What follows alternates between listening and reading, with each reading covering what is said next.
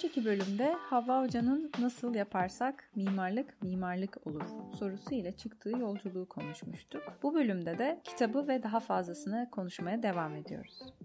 Kitapta genel olarak bir özgürlüğe bir sesleniş var. Zaten en başında da bu özgürlüğe sesleniş tabii benim içimi kıpır kıpır ediyor ama kitabı da özgürlük yolcularına, göçer ruhlara ve hatta tüm baykuşlara ithaf etmişsiniz. Peki e, şunu sorsak yani bu baykuşlar kimler tam olarak ve biraz bahsedebilir misiniz? Evet bu kitap ve bu kitabın içerisindekiler dikkatli okuyucu için aslında tamamen özgürleşme yollarına, özgürlük yolcularına, masumiyetlere. Çünkü şu anda 21. yüzyıl yani 2021'de yaşayan insanların çoğunun samimiyet ve masumiyetle ilgili büyük bir imtihan verdiğini düşünüyorum. Her şeyin çok jipetleştiği bir dünyada. Ve yersiz yursuz hisseden hani ya bir türlü yerini bulamayan, hani tam da oldu diyemeyen e, göçer ruhlara hitap ettim. Baykuşlar ise aslında öğrenciler. Yani nereden çıktı bu şimdi? Neden baykuş? Şimdi Mimar Sinan'ın büyük eserlerinde ustalıkla gizlediği baykuş figürlerinden söz edilir. Bunda kitabımda yer vermedim ama aslında zihin haritamda bu vardı. Ya da söz gelimi Mimar Sinan Üniversitesi'nin logosu bilirsiniz. Evet. Mimar Sinan'la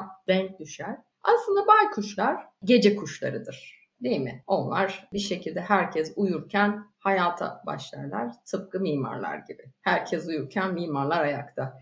Yani gece kuşları, baykuşlar ve mimarlar hep öyleler. Ve ikisinin de böyle geniş bir bakış açısı var. Yani bir baykuşa baktığınızda bazı türler 270 dereceye kadar kafasını çevirip görebiliyor. Bir şekilde bir durumla karşılaştıklarında, bir sorunla karşılaştıklarında geniş görüş açısıyla bakmayı beceriyorlar. Mimarlar ve baykuşlar çok iyi görüyorlar. Hatta görme organı, görmenin kendisi fiziksel olarak da baykuşta kafasının çok büyük bir oranını kapsıyor. Dolayısıyla görme odaklı, algılama odaklı bir keskinlik söz konusu. Simge olarak baktığımız zaman da bir ikilem var baykuşlarla ilgili. İşte bu antik Yunan'da mesela orduların koruyucusu gibi adlandırılırken batıda biraz sevimli bakılıyor. Anadolu topraklarında baykuş biraz kötü şans ve ölümle de ilişkilendiriliyor. Yani bir uğursuzlukla da ilişkilendiriliyor. Aslında bu da mimarlara çok uyuyor. Çünkü mimarlar bazı durumlarda toplumun, işverenin, otoritenin gözünde itirazcı, aykırı, ele avuca sığmaz, zapt edilemez halleriyle aslında biraz baykuşlar gibi hani tekin durulması gereken bir grup. Dolayısıyla ben baykuşları buradaki mimarlık öğrencileri, mimarlık yolcuları olarak tarifledim ve bu kuşla bir şekilde aslında içsel bir bağlantı kuruyoruz aslında biz kolektif hafızada. Bunu birazcık ön plana çıkardım diyelim. Baykuş yani gerçekten hem bilgelik olsun hem bir de doğu ve batının bakış açısının farklılığı da çok fazla şey anlatıyor baykuşa gerçekten. mimarlığa bakışı da anlatıyor aynı zamanda yani. Şimdi hocam bir de kitapla ilgili bence zaten çok fazla söylenecek şey var özellikle benim açımdan ama genele baktığım zaman ben kitabın sadece mimarlara hitap etmediğini fark ediyorum. Yani burada bir evrensel insan tanımı var belli bir şekilde. E, sizin bakışınızda bu evrensel olarak mimar veya işte insan herhangi bir kişi nasıl biridir size göre? Şimdi sevgili İlayda bu kitabın ismiyle ilgili aslında yayın eviyle biraz böyle dertleştik biz. Şimdi Hı. kitabın ismi Mimarlık Öğrencisi misin? Ben öğrencilerimle sizli konuşurum. E, kitaba da öyle bir isim vermiştim. Mimarlık öğrencisi misiniz demiştim. Sonuçta yayın evi dedi ki yani hani bu kadar samimi olmaya çalışıp sizli bizli konuşuyorsun ama ben hakikaten sen siz o bir saygı göstergesi ise oradaki denkliği severim. Yani ben sana sen diyorsam sen de sen de sen de siz diyorsan ben de siz diyeyim gibi bir şey. E, ve bu mimarlık öğrencisi misin kitabı yazıp aslında çağın genç insanlarının dikkat etmesi gereken ve geneli senin de ifade ettiğin gibi sen dedim sen de sen diyebilirsin. Geneli bir şekilde etkilemesi gereken bir durum oluşturmaya çalıştım. Çünkü orayı da şöyle bir zihinsel bağlantı kurduğumu düşünüyorum. Mimarlar empati yapar. Yani bir mimar var olan, yaratılmış her canlıyla ve cansızla, bazen de cansızla, toprakla, yerle, güneşle, doğayla özdeşlik kurabilmesi gerekir. Empati kurabilmesi lazım.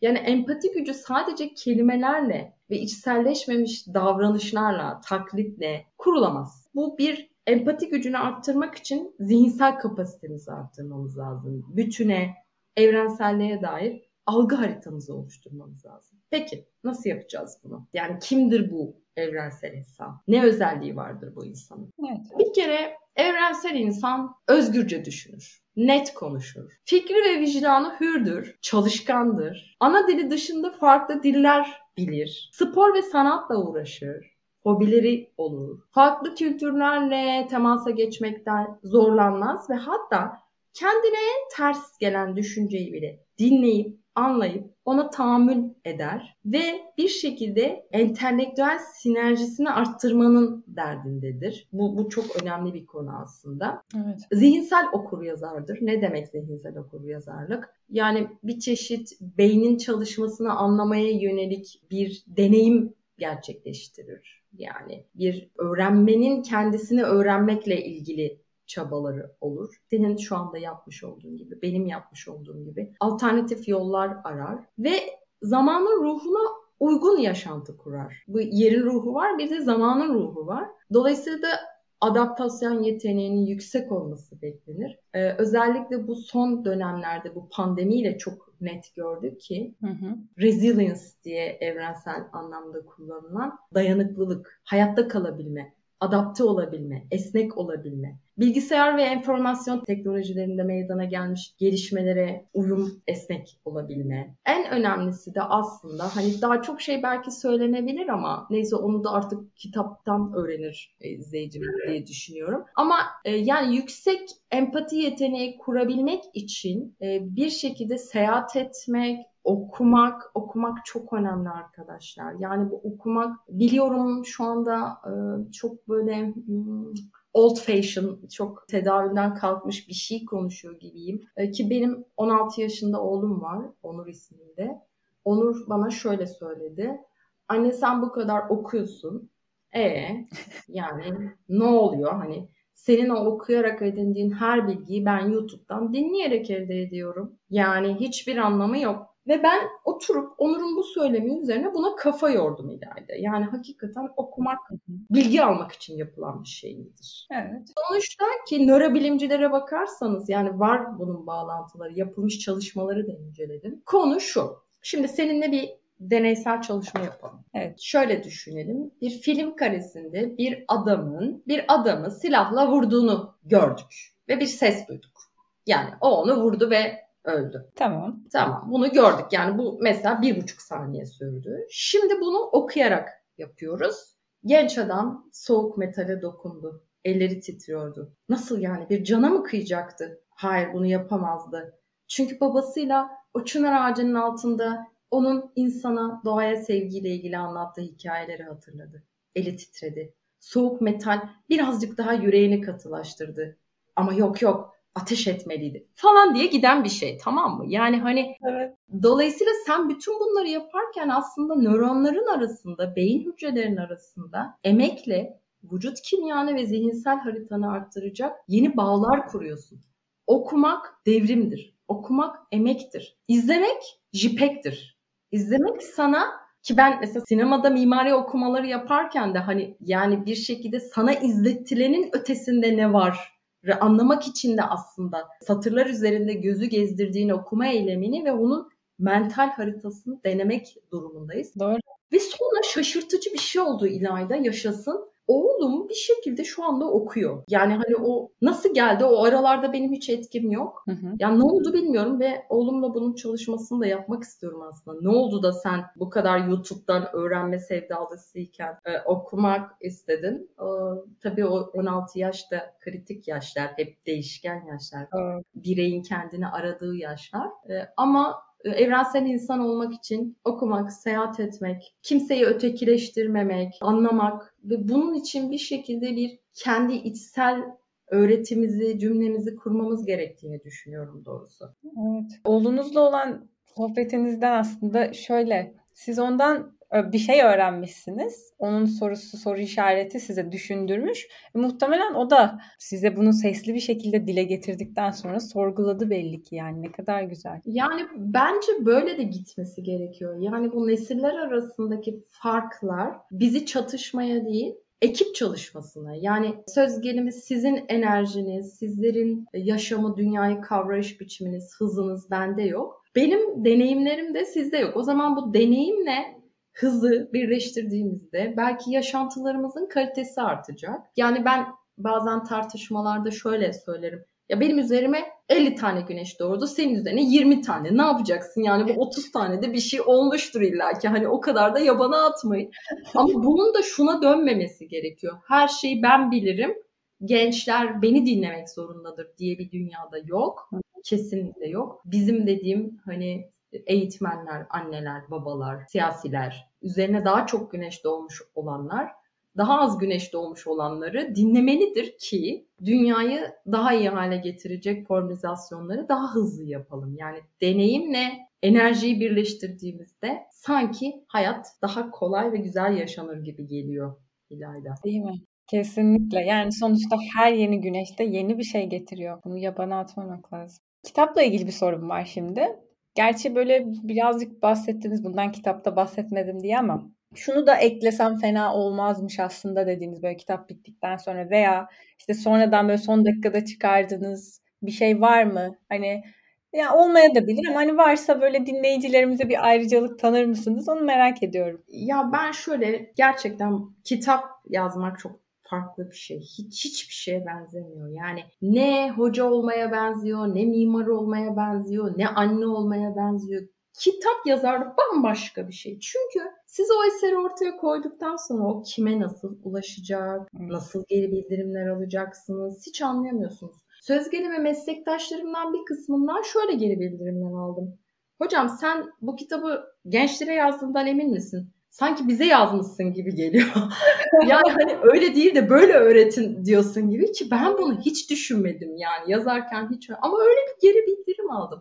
Bir gece yarısı bu bir tane Baykuşlar diye et Baykuşlar 2020 diye bir Instagram sitesinde onu da genç arkadaşlar yönetiyorlar. Ben çok hani sadece bir onay bunu da yayınlayacağız hocam derlerse bakıyorum. Oraya gece yarısı bir mesaj gelmiş. Hastanede annesinin başında olan, olmak zorunda olan bir kendisi de dinliyorsa şu anda sevgilerimi iletiyorum. Ee, Zeynep isimli bir öğrencimiz. Yani İstanbul'da bir okulda. Hı hı. Böyle çok moralsiz, çok canı sıkkın ve aslında hiç böyle bir şey okumak falan da yok. Babasına diyor ki ben refakatçiyim. Hani masanın üstünde ne varsa işte o kitaplardan getir.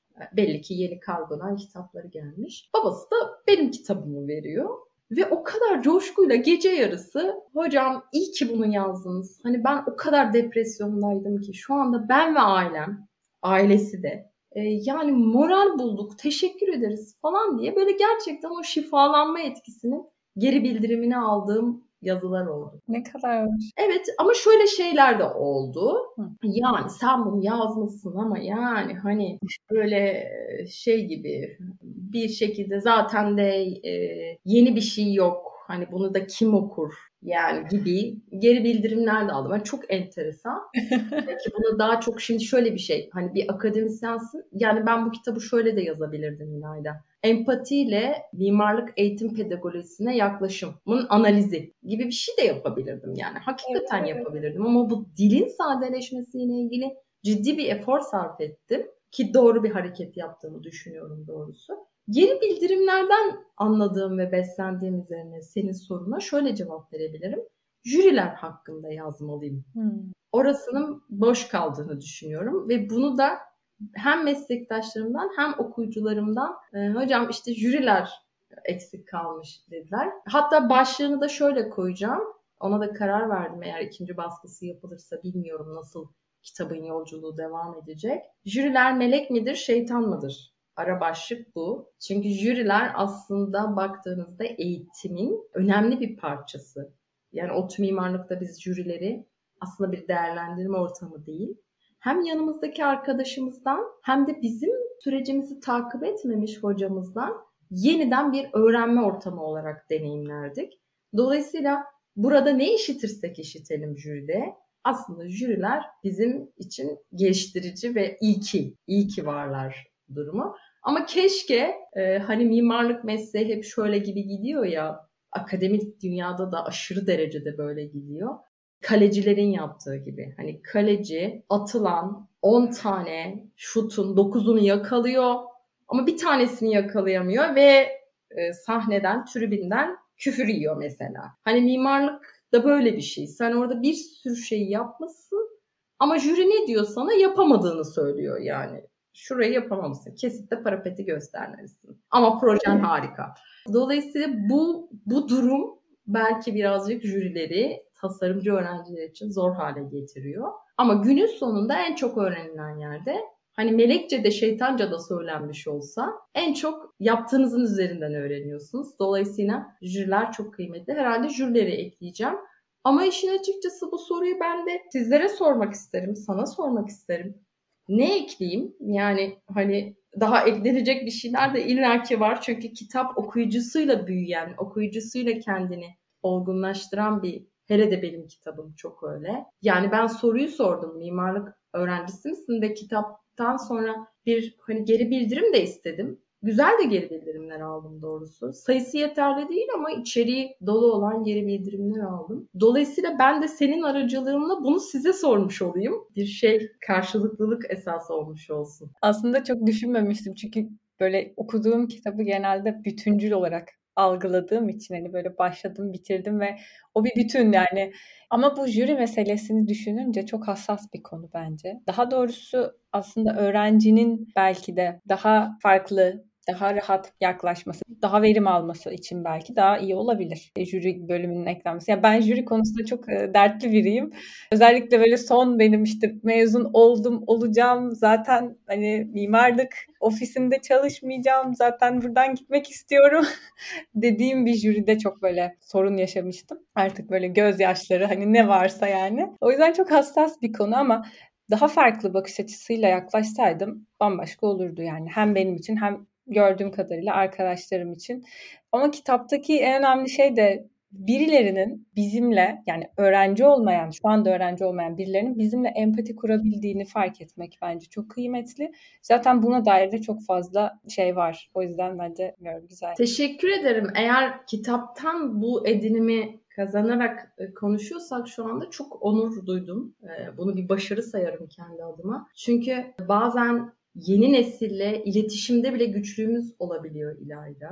Bu arada bu jüriyle ilgili, gözyaşlarıyla ilgili senin deneyimin üzerinden şunu söyleyeyim. Ağlamak güzeldir. Yani o kadar da ona negatiften bir şey gibi bakmayalım. Çünkü o gözyaşları da aslında bizi olgunlaştırıyor, öğretiyor, demlendiriyor yaşama dair aslında neye gözyaşı dökeceğimizi, neye dökmememiz gerektiğini öğrenmek için onları dökmek gerekiyor belki de. Ve bir şekilde hani empati kurmak, şu anda öğrenci olmayan birileriyle empati kurmak. Bazen biz dilde bile zorluk çekiyoruz. Yani ben kitabın belli konularında onu söyledim. Aynen mi? Aynen. Evet şimdi aynen. Yani Z neden aynen diyor sürekli. Yani ben bir şey söylüyorum ve aynen diyor. Yani benim bütün duygularımla ve cümlelerimle sen de katılıyor olamazsın. Çünkü biz iki farklı insanız, iki farklı varoluşuz diye çırpınırken şunu fark ettim. Mesela bunu da belki kitaba ekleyebilirim. Aslında Z nesli bana aynen derken şunu da söylüyor üstü örtük olarak.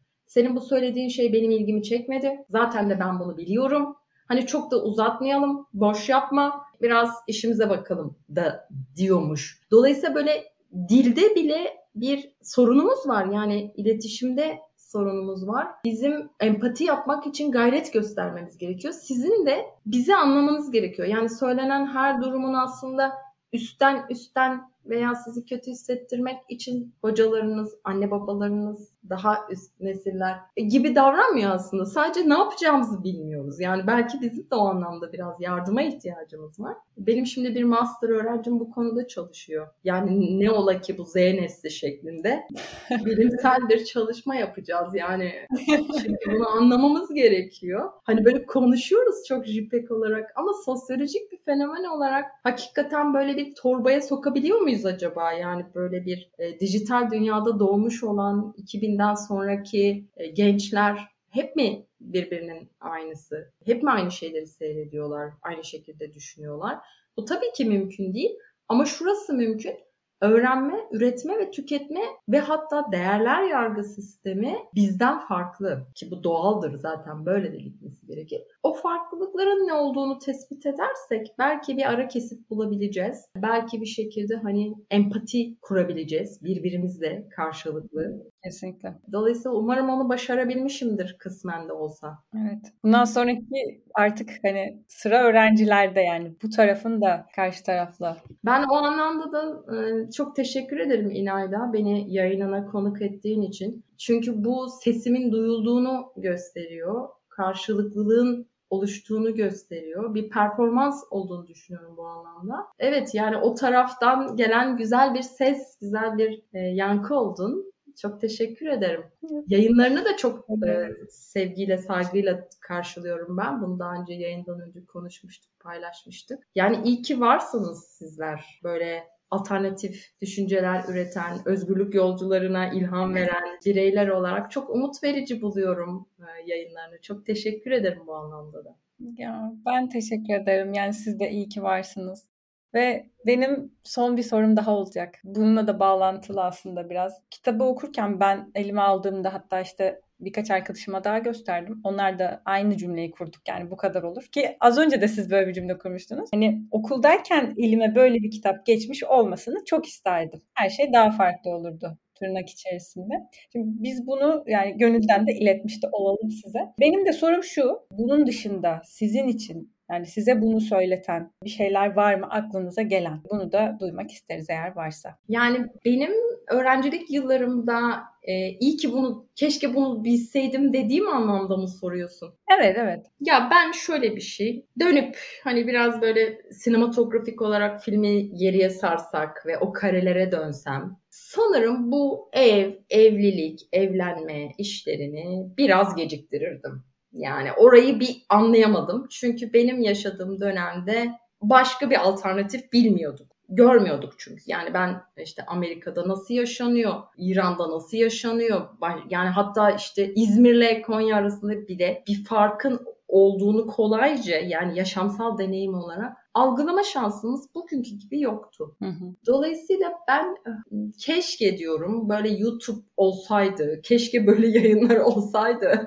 yani benim durduğum dönemlerde. Ama yine de baktığım zaman karşılaşmalarımdan memnun olduğum çok güzel hocalarım oldu. Mesela çoğunu kaybettik biz onların. Yani çoğu vefat etti. Feyyaz Erpi mesela hani çok e, yolumuzu açan hocalarımızdan birisiydi. E, onlarla karşılaşmış olmamız. Abdü Güzel, o zaman mesela Abdü Güzel e, çok gençtir. Abdü Hoca'nın enerjisi her zaman iyidir ama bizim için o şu anda şey ilkilerimizden yani karşılaşmalar anlamında. Doğru doğru. Dolayısıyla ben bunlar şu anda aklıma geldi. Hani biraz daha detaylı düşünsem başka ne gelir bilemedim ama keşke daha o yol ve yolculukları ve özgürleşme çabalarımızı, alternatiflerimizi arttırabileceğimiz kişiler, kitaplar, filmler, yolculuklar yapabilmiş olsaydık ve yaparız da.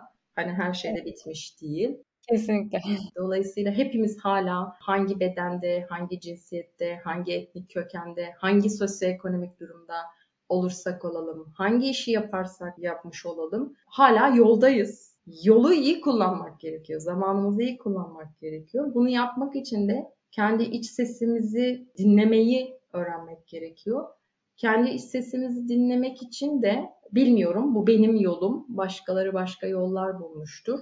Doğaya dönmek gerekiyor. Yani kamp yapmak gerekiyor net. Ya doğada uyursanız kendi sesinizi duyarsınız. Yoksa bu kadar toksik ortamda, bu kadar gürültünün olduğu ortamda aslında biz kimiz nereye gitmek istiyoruz ve ne için geldik bu dünyaya sorularına çok fazla cevap bulamazsınız bu gürültüde. Çok fazla etki alanı var. Çok fazla gölgeler oluşur. Sizin ötenizde sesler oluşur.